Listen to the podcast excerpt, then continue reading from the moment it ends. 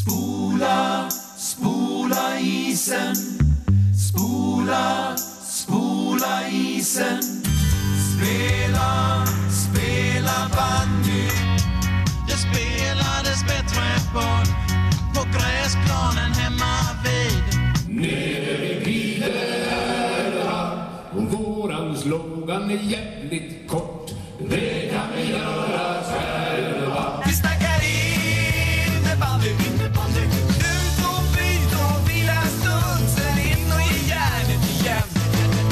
Ja, varmt välkomna. Klockan är 17.02 och det är dags för Piteå FM Sport igen här på 92,8. Det är med mig Amir och Martin alltså. Idag kommer vi snacka om Piteås lag, hockeylag som har drabbats av en tung, tung skada. Lite intervju där också, men egentligen vad som händer med PFR. Vad mer? Ja, sen ska vi också prata om snön och den som har fallit ordentligt och då är frågan över till Piteå Elite och deras stora affischnamn Charlotte Kalla om hon kommer resa sig ordentligt ur den här snön eller inte. Vi pratade ju med henne, hennes eh, kommunikationsansvarige förra veckan och så kommer vi ha mer skidor och mer Piteå Elite för vi kommer ju ha veckans gäst Sven-Erik Pajala som är tränare inom Piteå Elite och bland annat har en dotter med i laget. Så hjärtligt välkomna 1702 Piteå FM Sport eller via podden som du vanligtvis lyssnar på.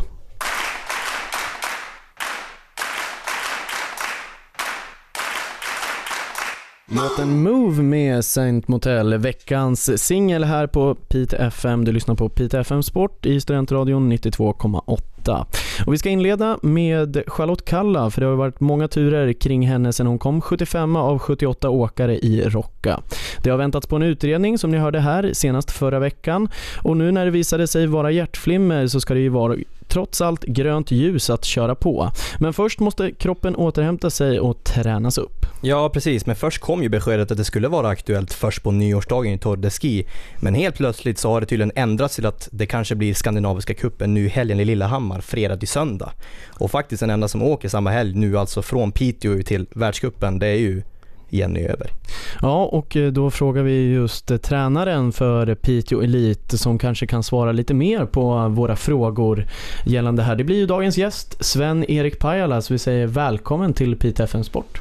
Tack så mycket. Mm, vi kan ju börja och köra igång direkt där med, med Kallas situation. Hur, hur mycket vet du som, som tränare om det?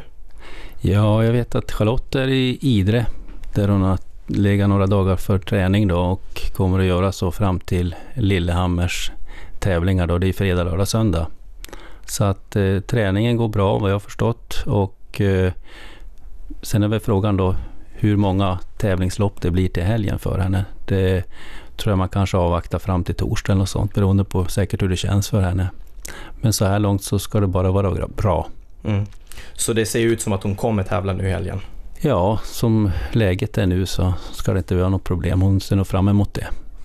Ja, givetvis är hon ju sugen efter att ha behövt stått över och sen efter det som var i Rocka också. Eh, tänker du som tränare, hur orolig blev du när, när du såg det här resultatet som blev i Rocka till exempel?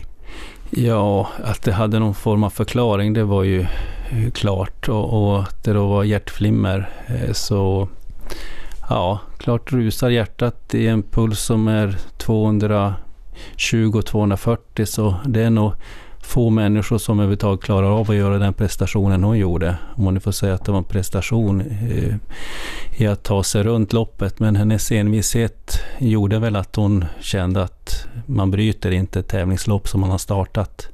Och eh, ja, att det var något, något eh, som var fel med henne, det, det förstod jag.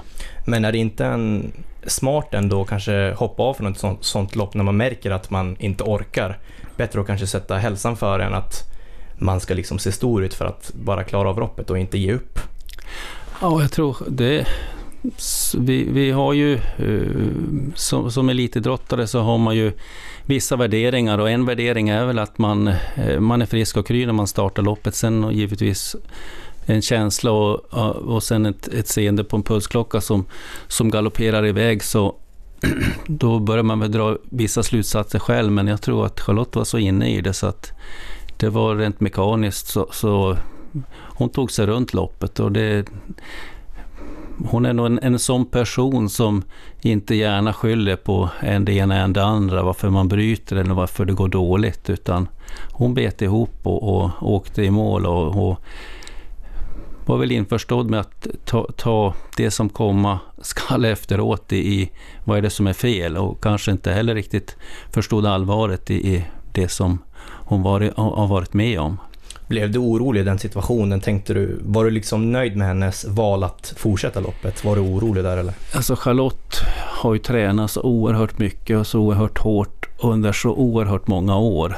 Så att hon känner ju sin kropp innan och utan. Och, och låt vara det i den situation som hon eh, blev i samband med tävlingen i Ruka. Det, det, har hon ju inte upplevt tidigare men samtidigt så var det väl någon form av program, programmering att jag ska ta mig runt trots att hjärtat galopperar. Eh, ja, det, det, det, det, är säkert svårt att förstå för oss som är vid sidan men det, hon gjorde det och lyckligtvis så verkar det ha gått bra utifrån vad medicinarna har sagt. Så att eh, ja, det är där vi är idag och, hon är på benen och hon tränar och hon ser fram emot att tävla så att det är bra. Nu var, stack hon ju ganska direkt till Idre eh, och eh, har tränat där senaste tiden. Om det nu är aktuellt med tävling i helgen, tror du att hon kör fulla träningar? Är det verkligen hälsosamt att köra fulla träningar efteråt? Även fast hon nu bara har haft hjärtflimmer, eller bara och bara. Men... Ja, jag tror att hon har en så nära kontakt och dialog med de doktorer som har, har hjälpt henne i den här frågan så att eh, hon, hon, vet nog vad hon gör. Det är jag övertygad om. Och I den vägledning hon har fått också så, så är inte jag orolig för, för det inte. Utan det, det är det, det är det det är och, och de har kontroll på situationen. Eh, men om vi skickar över bollen här nu till en annan som nu ska tävla, alltså Jenny Öber som har varit i klubben åtta år. Och hon är ju väldigt spännande, eller?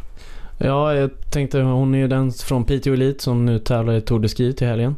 Eh, vad ser ni henne under de här åtta åren? Hur, eh, hur skulle du beskriva Jenny Öberg?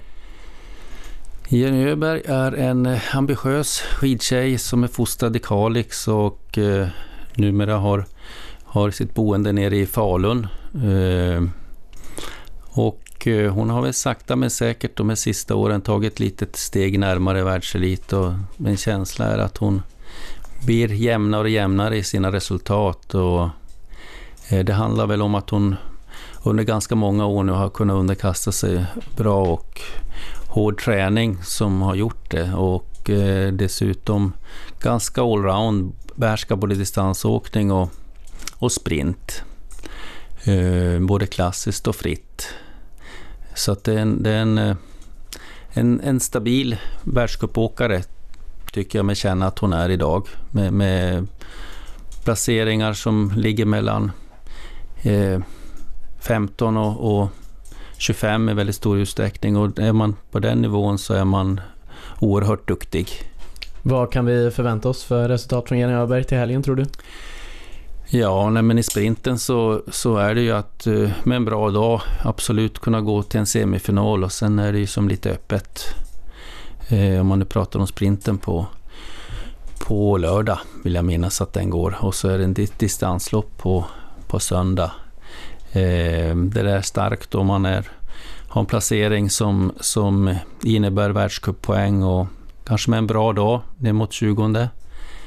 Där eh, två tävlingsdagar efter varann på hög höjd så det är ganska nyckfullt att känna och tala om hur, hur, kroppen kommer att reagera på det.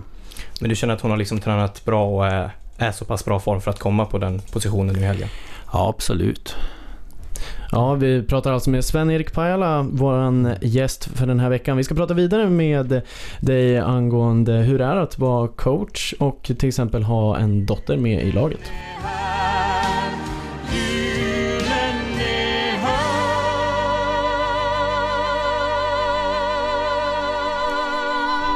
Ja, alltså det är låten Julen är här med Tommy Körberg och Sissel Kyrkjebø.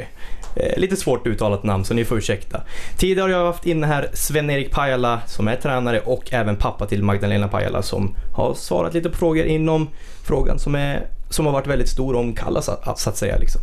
Eh, men Piteås Elits föreningsidé, det är väldigt intressant och de har ju tre punkter där. Första punkten som är Piteå Elit ska vara bidragande till skidintresset i Pitebygden.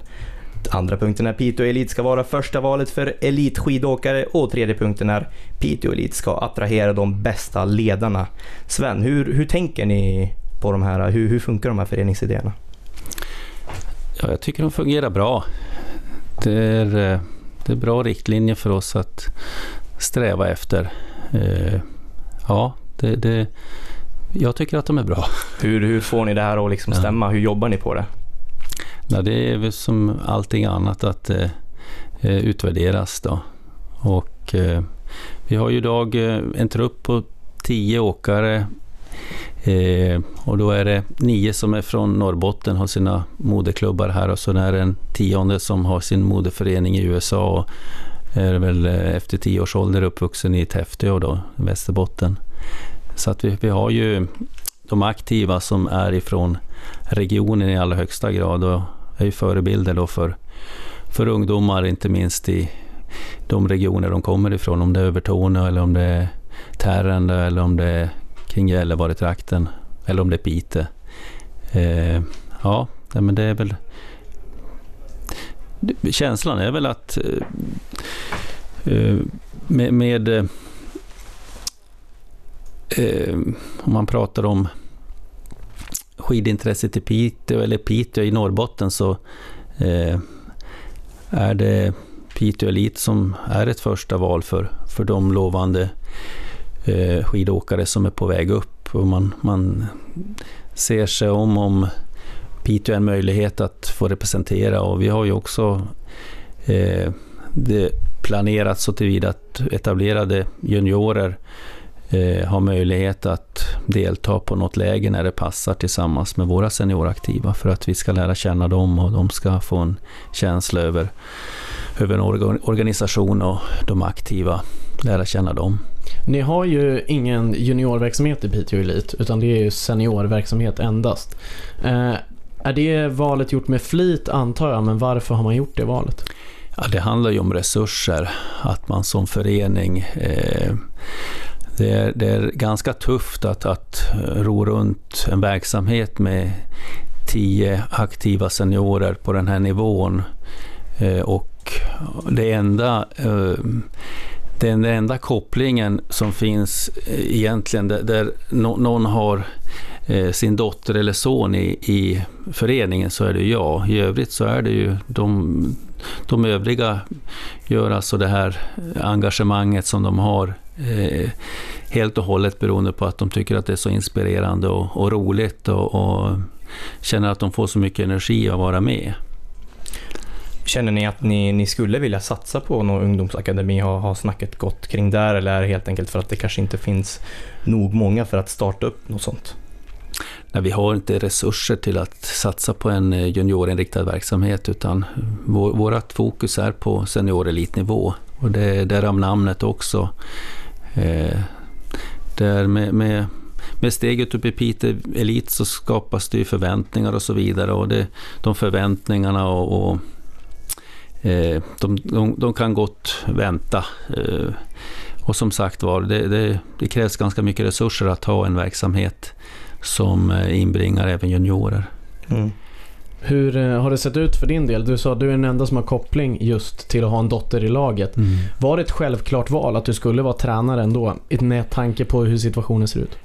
Nej, det var det väl inte, utan de säger att jag är med i föreningen beroende på min kompetens, inte beroende på att jag är förälder. Så att, eh, ja, det, det, det är ju inte bara jag som bestämmer vem som ska, då ska vara tränare och ha min roll, utan det är ju en styrelse som bland annat är vägledande i det.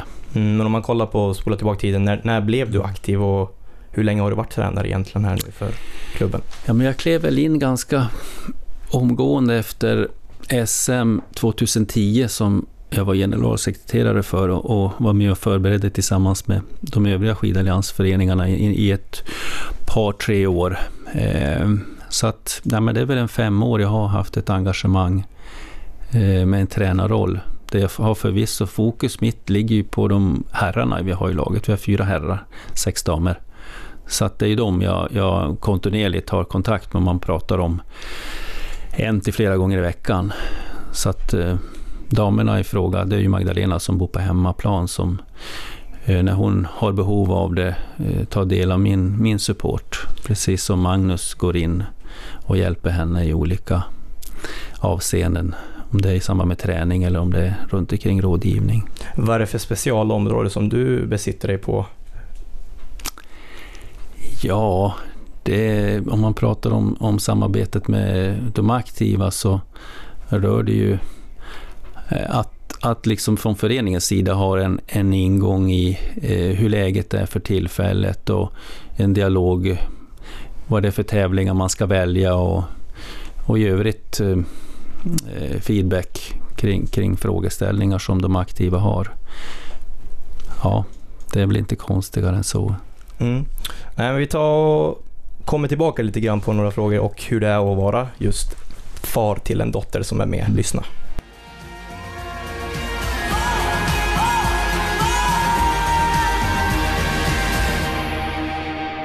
Ja, så heter den också. War med Nathalie Felicia här i Pite FM Sport. Vi har haft Sven-Erik Pajala inne i studion och eh, frågat om eh, tränare och Piteå Elit och det ena och det andra, Charlotte Kalla. Nu ska vi gå in på kanske lite mer personliga åsikter från eh, Sven-Erik Pajala när vi ska höra lite om hur du tror med Magdalenas del. Mm. Hur, hur, vad är förutsättningarna på, på Magdalena egentligen? Ja, förutsättningen är väl att ha en bra träningssommar med väldigt, väldigt mycket träning. Eh, hon eh, har eh, en, en härlig motivation och driv i sin plan runt omkring det som rör tävlingssäsongen. Så att det är ju alltid tufft att komma tillbaka efter att man varit borta i ett och ett halvt år ifrån en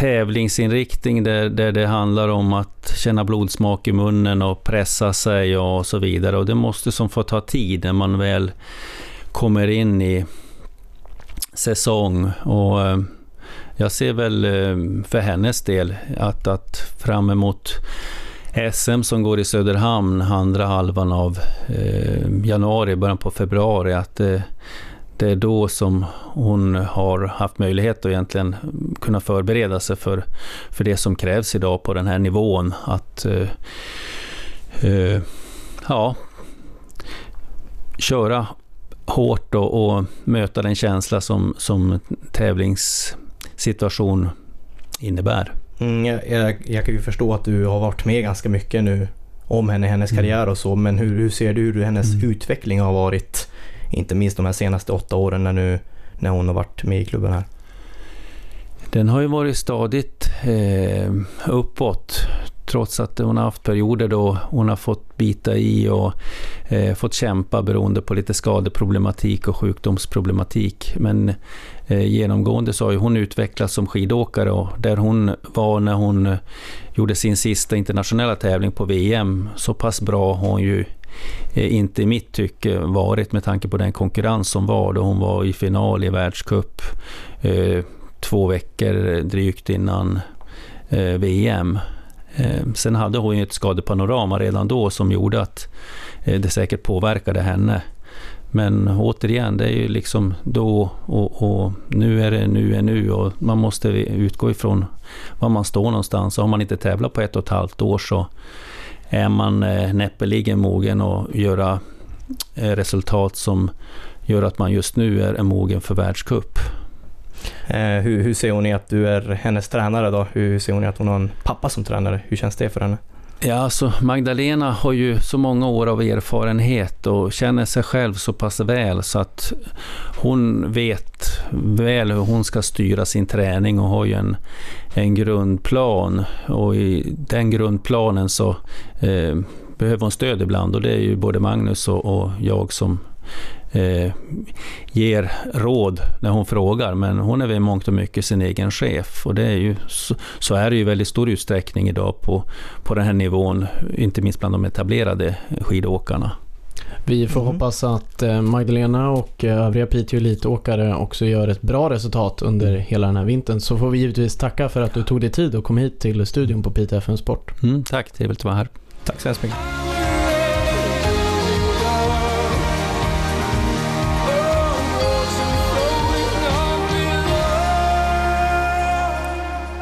Ja, det var alltså låten Fire med Royal Prospect. Vi hade ju tidigare idag Sven-Erik Pajala som var här och snackade lite om, inte minst Kalla, dottern Magdalena och klubben alltså Piteå Elite Skidklubb. Men nu ska vi istället gå över till något helt annat, till fotboll. Ja, tvära kast blir det i Piteå FM-studion idag. Eh, Piteå FM Sportstudion. Vi ska prata Piff här, för det är många där ute som undrar vad som händer med Piff här och eh, ja, hur det egentligen kommer att bli. Och en av de eh, frågorna är givetvis vem som kommer vara huvudtränare och hur egentligen det ser ut organisationsmässigt. Vi pratar med Jens Hedström om hur hans roll kommer se ut i Piteå nästkommande vår. Ja, det är väl inte klart heller än, utan eh, vi har ju precis eh, ja, förändrat lite hur föreningen ser ut över stort. Så vi kommer att ett möte imorgon där vi, där vi kommer eh, ja, börja sätta vår organisation då, som innefattar ungdomsfotbollen och herrfotbollen. Eh, och för mig så handlar det väl om att eh, ha något sportsligt ansvar. Eh, sportchef är väl kanske fel ord, men ja, varit med i någon form av sportgrupp och ha ändå någon sorts ansvar där. Eh, så att lite grann så ser det väl ut. Sen är det väl eh, på tränarsidan så är vi väl eh, muntligt överens med en tränare så det kommer nog bli klart vilken dag som helst. Det är inte samma tränare som var förra året tillsammans med dig, Johan Norberg? Ja, det får vi vänta och se. Det är ju mycket av nyförvärven som kommer från Pite, om inte e-, egen akademi så är det i närområdet också. Mm. Eh, till skillnad från de spelare som kanske har lämnat eh, där Tete Komei, Kristoffer Tydell, Ibrahim Kalai, Cunningham och Mara till exempel. Mm. Är det en filosofi som ni försöker få in att det ska vara lite mer Pite-anda i laget igen? Ja, men det, det kan väl vara så. Det ligger ju många delar i det vi måste skära i budgeten eftersom att vi gjorde ett stort minusresultat det här året. Och eh, sen tappar vi nog lite inför det här året också. Vi tappar väldigt många egenfostrade spelare som vi kunde ersätta från närområdet. Eh, men nu får vi, har vi möjlighet att starta om och det vore dumt att inte ta, ta tillvara på de eh, talangerna som finns eh, i närområdet. Så att ja, det är väl en, delvis en, en uttalad strategi men även faller sig ganska naturligt. Men vi har valt att fokusera på, på lokala spelare och kanske framförallt bra personligheter också som, som ska passa in i, i gruppen och i lagbygget. Några som var med i det här lagbygget från eh, förra året som också har lite osäkert i alla fall inte har ni släppt någonting om. Jag tänker på bland mm. annat James Bergin och Henrik Milbert och sådär, de spelarna. Hur, hur går det, det snacket med dem just nu? Ganska många som håller det lite öppet, många som eh, försöker hitta eh, klubbar högre upp så gott det går. Eh, Sen får vi se var det slutar. Det är osett än. Mycket provspel och sådär så att eh, det kan eh, bli vilket som. Vi vill behålla eh, ett par stycken från fjolårstruppen och det har vi deklarerat för, för de spelarna. Eh, och vissa har fått erbjudanden att ta ställning till så att vi för diskussioner med ett par spelare från fjolårstruppen som, ja, men vi hoppas snart att vi har gjort klart med, med den första från fjolårstruppen. Så att, eh, hur eh, ser du på av de 13 eh, dryga spelarna ni har inne just nu? Eh, mm. Blir det ett år där man börjar bygga eller är man bara ner och vänder för Piff här i år? Oj, jättesvårt att säga. Föreningen har uttryckt att man vill upp till division 1 igen. Får vi behålla de spelare som, som vi vill så, så kommer vi absolut ha i toppen att göra. Sen beror det lite grann på vilken utveckling vi får på de eh, lokala spelarna och de vi har flyttat upp. Så att, eh, svårt att säga om nu, men jag tror att går man in med inställningen att det kommer vara en piece of cake och att eh, hålla sig i toppen i division 2, då, då tror jag det kan bli tufft. Ja, där hör ni alltså Jens Hedström, förra tränaren i PIF och nu med en ny roll. Sportchef eller inte? Ja, lite kanske det lät som det på honom. Han pratar i alla fall lite grann som en sportchef. Eh, eh Amiral, ser du någon svaghet i det som man hittills har presenterat i Piteå? Ja, men framförallt så har man ju tappat inte minst eh, många spelare, inte minst toppforwards och så. Där jag ser det är ju främst forwards och jag ser faktiskt inte hur man ska kunna klara av att ens hålla kvar sig i division 2 om man inte har en toppforward som kan prestera. Visst, man har Gustav Nord, men det är en juniorspelare. Frågan är om han klarar att leva upp till de förväntningarna som krävs för att kunna spela i division 2, eller vad säger du Martin? Ja, du, du efterfrågar sannerligen en eh, forward i alla fall av Tete Komeis klass då. Precis, det är ju inte minst, det är klart han går eh, vidare till en division 1-klubb i Luleå i detta fall då liksom, men, men jag, för mig är det väldigt självklart att man ska kunna köpa in en så pass bra spelare som kan göra mål och, och ge lite styrka till laget, ge lite hopp. För har man ingen spelare som kan göra mål, om, om spelarna känner det i sig, då finns det inget hopp att spela.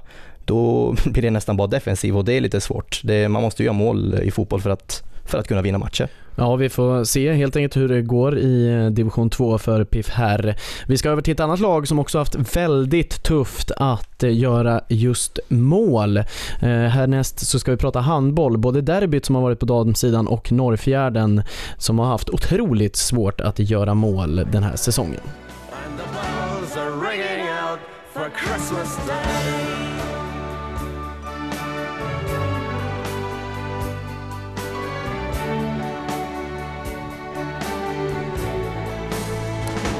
Ja, det var alltså låten Fairytale of New York tillsammans med The Pew... The Pogues. Det är så svårt att uttala. Jag är så värdelös på engelska, ni får ursäkta mig. Men som sagt, tidigare har varit inne på fotbollen, PIF herrar, hur de ska bygga upp sitt lag inför nästa säsong, alltså division 2 som de kommer att spela i. Nu ska vi gå över till något lite helt annat, handboll, alltså Norrfjärden, som förlorade här nu i helgen här i lördags igen mot AIK med 19-26. Och vi tog oss dit och snackade i alla fall med Oskar som är målvakten, varför det gick så dåligt och varför de förlorade den här matchen. För att vi gör absolut ingenting av det vi ska göra här när vi spelar hemma. Um, det, det är ganska enkelt sagt, ingenting görs som det ska göras. Försvarsjobbet är väl det som funkar hyfsat. Nu har vi mig i målet som släpper in jättemånga bollar, men försvaret har gjort väldigt bra jobb. Och det, det är ganska moraldödande. Um, sen så i det offensiva, vi, har, vi får kämpa för varenda boll vi, vi får. Alltså. Varenda mål vi gör det sitter långt inne. Och när man sitter och kollar på matchen är det jättetydligt, för vi har som en spelplan vi ska följa efter. Men vi avviker den med bara lite grann. Men, och då får vi kämpa något så kopiöst för varje mål. Men så fort man ser att det liksom sitter och vi går dit vi ska gå och få på oss folk. Det är inte ens ansträngande att göra mål. Man blir som arg och ser det för att det går för enkelt. Och överlag så är det ju just det problemet ni har haft om man tittar på matcherna som har varit, att ni har gjort ganska lite mål i Yes. matcherna. Eh, är det en Yes. tendens du som målvakt som ser spelet bakifrån också eh, håller med om? Ja, alltså det är ju absolut så där. Vi brukar kunna hänga med ganska bra i 40 minuter. Och sen brukar orken tryta lite grann om vi orkar inte göra det där sista framåt som gör att vi får in bollen. Utan vi fastnar istället för att orka trycka oss förbi försvararen. Eller vi kommer förbi men vi orkar inte sätta ett ordentligt avslut som målvakten får rädda. Alltså, mycket sånt känner jag. Och nästa match kommer mot Sundsvall. Eh, hur Mm. ser du på, på det mötet på bortaplan? Ja, alltså det finns inget annat än vinst för oss i den matchen. Det ska inte kunna finnas annars. Vi ska försöka nu, väldigt juluppehåll nu. Eh, Så vi måste ju se över varför det blir så kämpigt i offensiven för att kunna göra mål. Varför vi inte lyckas göra det hela vägen. Och sitter vi, sitter, sätt, får vi till det, då, då ska det nog inte ha något problem. Majoriteten av matcherna ska kunna bli ganska mycket jämnare och mer poängklocka som en Sundsvall. Det ska bara vara vinst. Ja, precis. Det var ju Oskar Lövgren som var inne på hur pass dåligt det går för dem och var väldigt, väldigt frustrerad över att man gör så få mål. Och nästa match är ju mot jumbon Sundsvall. Ja, vi ska prata vidare om handboll, men nu damer division 2 där vi förra veckan hade gäster från Lillpite och de snackade ju upp det här derbyt som var dagen efter mot Strömnäs. Eh, Strömnäs hade dock en väldigt bra målvakt eh, i form av, av eh, matchens lirare till och med och ja, vi hör hur nöjd man är då. Ja, jag är, jag är nöjd, det är jag absolut. Även om man, jag brukar väl vara lite för kritisk mot mig själv och ändå liksom vilja ta fler straffar än vad jag gjorde och allt sånt där. Men, men absolut, jag är nöjd. Och, och lika är ju bättre än vi, vi ser det ju lite grann som en, en, en vinst eftersom vi låg ju under hela matchen och vi kämpade ett sexmålsunderläge tog vi ikapp. Så att ja, jag är absolut nöjd. Och det är roligt att få, få ta så pass mycket skott som jag gjorde. Ja, och eh, det blev ju också en väldigt intressant match måste man säga. Ni hade ju hemmaplan, 503 åskådare och eh, sen låg ni under i halvtid med 8-12. Eh, I halvlek kändes det ändå hyfsat bra, i alla fall från där jag stod, från, från målet. Eh, för det kändes som att det liksom anledningen till att vi låg under var inte för att vi kom till lägen, vi, vi spelade bra. Det var mer bara att vi, vi satte bollen utanför mål istället för i. Eh, så jag kände mig inte så orolig just i halvlek. Det var väl mer typ första, kanske tio eller något sånt där. Eh, för jag vet, jag tror Rebecka, alltså Lill-Peters målvakt, det, hon, hon höll ju nollan i typ sex minuter eller sånt där. Bara för att vi träffade mål. Eh, så det var väl, det kändes bra i halvlek men eh, första tio var mer, då kändes det, det här kommer, ja det här kommer bli ett intressant derby för att så brukar det oftast inte vara. Hur brukar derbyna vara mot eh, Lill-Piteå? Antingen är båda lagen liksom svinbra och det går lika bra för båda eller så är det ett lag som verkligen är jättebra och ja, tar kommando över hela matchen eller så är det bara kaos. Den här matchen var som båda lagen tycker jag var, vi var så jämna men det var, jag tycker inte resultatet stämde riktigt det, och det var för att vi slarvade. Hur, eh, hur ser du på er två som lag? Vad är det som eh, skiljer Lillpite och eh, Strömnäs åt? Vi har väl lite mer rutin skulle jag nog säga. Eh, för vi har lite äldre spelare.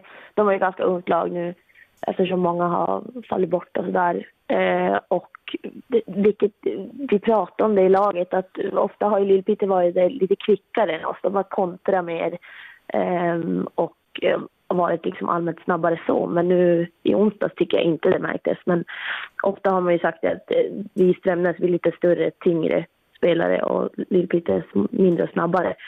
Så det är ju verkligen två olika lag som möts. Hur eh, kändes det för egen del? För du är väl lagkamrat med Sanna Karlsson i fotbollen? Jajamän. Är det någonting Eh, jag man tänker på när man möts? Jag, jag tycker det är jätteroligt att möta, möta folk jag känner. Det är samma med Moa Romell eh, som också spelar i Lill-Piteå. Hon jobbar jag med. Eh, och så har det varit, det har varit många år när vi har spelat i Lill-Piteå har jag känt folk som har spelat. Som Johanna Wiklund, hon har ju tyvärr slutat nu. Eh, jag tycker det är jätteroligt för jag, eh, till exempel när det kommer till straffsituationer och sånt där och den personen lägger straffen. Jag tycker det är, jag tänker bara att det är psykiskt så jag tycker det är skitkul. Men eh, när de väl kommer på liksom en kontring eller så, då, då gäller det bara att ta bollen, så då tänker jag inte på det.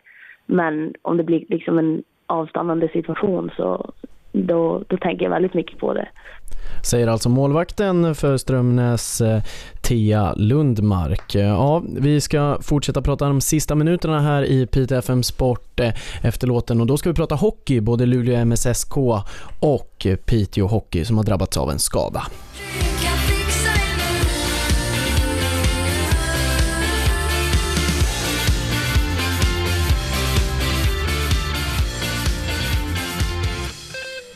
Ja, alltså låt den fixa dig med havet. Det gick mycket, mycket bättre att se det. Vi har ju varit inne på tidigare handboll, men nu ska vi över till hockey där det var MSSK som körde över Djurgården här nu i helgen. I fredags 11-0, i söndags med 5-0. Men det var minst fredagens match som vi la märke till då Tindra Holm, alltså född 2001, gjorde debut i, lands- eh, i A-laget där. Vi ska se vad hon, eh, vad hon kände där. Ja, det var väldigt oväntat men väldigt roligt också. Eh, blev du kallad ganska sent eller var du liksom ändå förberedd några dagar? Eller hur, hur? Eh, nej, de ringde samma morgon eh, när jag låg och sov. Så det blev lite Ja. nervöst där eller? Ja, man han blir lite blixtnervös men det han väl ändå lägga sig lite innan matchen börjar. Ja. Och eh, matchen gick ju ganska bra också, 11-0. Eh, Du motade 19 skott. Eh, Vad säger du om din egen prestation i matchen? Ja, vi hade väl... Jag tycker att skotten är väl... Alltså jag är ju van bra skott så, så när jag tränar hemma. Så jag tyckte väl att det gick väl ändå ganska bra sådär. Eh, få fast puckarna när de sköt i magen och det vart inte så jättemycket returer. Men sen är det där med... Ja, alltså det vart lite missförstånd ibland när jag liksom gick ut och stoppade puckarna och sådär. Om man ska passa eller bara stoppa den sådär. Så eftersom att jag inte har trän, varken tränare eller spelare med innan så var det lite så här kommunikationsfel kanske. Mm. Men i övrigt är jag väl ganska nöjd. Man får ju ändå säga att eh, du har ju haft ett rejält år här nu i år. Inte minst så flyttades du upp till U16-laget i Skellefteå AIK. Ja. Samt att du tog plats bland 527 killar i årets TV-puckslag. Ja. Eh, hur, hur, tyckte, hur kändes det? Hur, vad, vad hade du för tankar? Eh, det var väl, jag hade väl inte, alltså jag hade inte så stora förhoppningar liksom innan och sådär. Sen att jag varit uttagen var det jätteroligt. Eh, men alltså liksom att, eh, så, alltså ja, det var, det var roligt såklart. Sen tänkte väl inte jag så jättemycket på det, utan jag tänkte väl bara, ja, kul liksom. Men sen var det väldigt stora grejer efter ett tag. Mm. Fick du spela någonting under TV-pucken? Eh, nej, det fick jag inte. Nej. Eh, men det är väl kanske bara att få uppleva det kanske något, något ganska stort. Ja, det var, det var kul. Ja. Eh, men hur tror du det kommer att ligga till här nu i framtiden? Kommer du få några mer möjligheter? Har, du, har snacket gått där nu med Luleå? Kommer du få spela mer Eh. i, i A-laget där? Ja, ja, det är väl väldigt... Alltså, de har ju två bra målvakter egentligen, men nu var ju olyckligtvis båda två sjuka samtidigt. Eh, men de säger väl att, alltså, de, de tycker väl ändå att jag gjorde ganska bra ifrån mig, så De var nöjda med de- din prestation. ja, precis. Så, men vi får se vad som händer. Ja, Tindra Holm alltså som blev den fjärde damspelaren i historien som tar plats bland så många killar i TV-puckens historia. Och alltså motade 19 skott och höll nollan här nu i fredags. Men vi har även mer hockey och nu går vi till, herrarna där Johannes Thornberg alltså har eh, fått sig en skada och vi, ska höra hur det ligger till med honom. Nej, men det är väl en gammal skada som har gått upp kan man säga. Eh, men, eh, vi tror att det är något brosk i knät, men vi får veta mer efter eh, läkarbesöket på torsdag. Hur, hur länge sedan var det den här skadan egentligen kom från början? Oh, den här är gammal. Jag tror jag fick den när jag var ja, kanske 17 år eller något sånt där. Så den har hängt med länge. Så jag misstänker att det är samma, men som sagt, vi får se efter läkarbesöket på torsdag hur det ser ut. Har den här skadan ändå stört dig ganska mycket under din hockeykarriär? Eh, nej, det, det har den inte faktiskt. Det, jag opererade knät i, ja, om det är fyra år sedan. Var inne och rensade ur det lite och sen har det varit hur bra som helst. Då. Men nu kom det tillbaks lite, så vi får se. Var det på träningen du skadade eller var det någonting annat du gjorde? Jo, nej, det var på träningen det hände. Mm. Och ni har inga information om, eh, om vad det kan vara än alltså? Nej, utan eh, läkarbesöket på torsdag får, får säga mer. Mm. Det har ju gått väldigt bra för er i år här nu, inte minst eh, 22 poäng leder ju poängligan i laget. Eh, hur tror du det kommer att och, och liksom skada laget sen ifall det nu skulle vara så att du, du försvinner? Ja, nej, men jag tror inte det spelar så stor roll. Vi har, vi har ju som byggt våra ja, men, eh, spel på en bra defensiv hela säsongen. Vi har vunnit matcher med 2-1. Jag tycker ja, det har snurrat runt bra vilka som har gjort målen. Och, så det, jag tror inte det kommer spela så stor roll. Mm. De klarar sig utan mig. Eh, hur, eh, hur pass hårt tog det här på dig? Eh, så pass som det har gått så bra, ni, ni är ju serieledare också. Jo, alltså det, det är ju så jäkla tråkigt att sitta på sidan och titta på det. Som nu, ja, då, då blir det ju bara gymträning nu ett, en tid framöver. Och det känns ju ruskigt tråkigt att kunna gå på is. Det, så det är inte så kul. Ja, alltså Johannes Thornberg som nu har dragit en skada här nu återstår att se hur pass hårt det kommer påverka laget. Givetvis ett stort avbräck för Piteå Hockey som satsar uppåt från allettan. Ja, det här är Piteå FM Sport som nu gör sina sista sekunder för den här tisdagen. Vi är tillbaka om två veckor för det är Musikhjälpen nästa vecka. Skänk gärna pengar dit. Eh, vi i studion heter Martin Hallén Almroth och... Och jag heter Amir Tajik. Nu ska det bli över till Hiphop-studion. Ha det gott, hej! Ha det gött!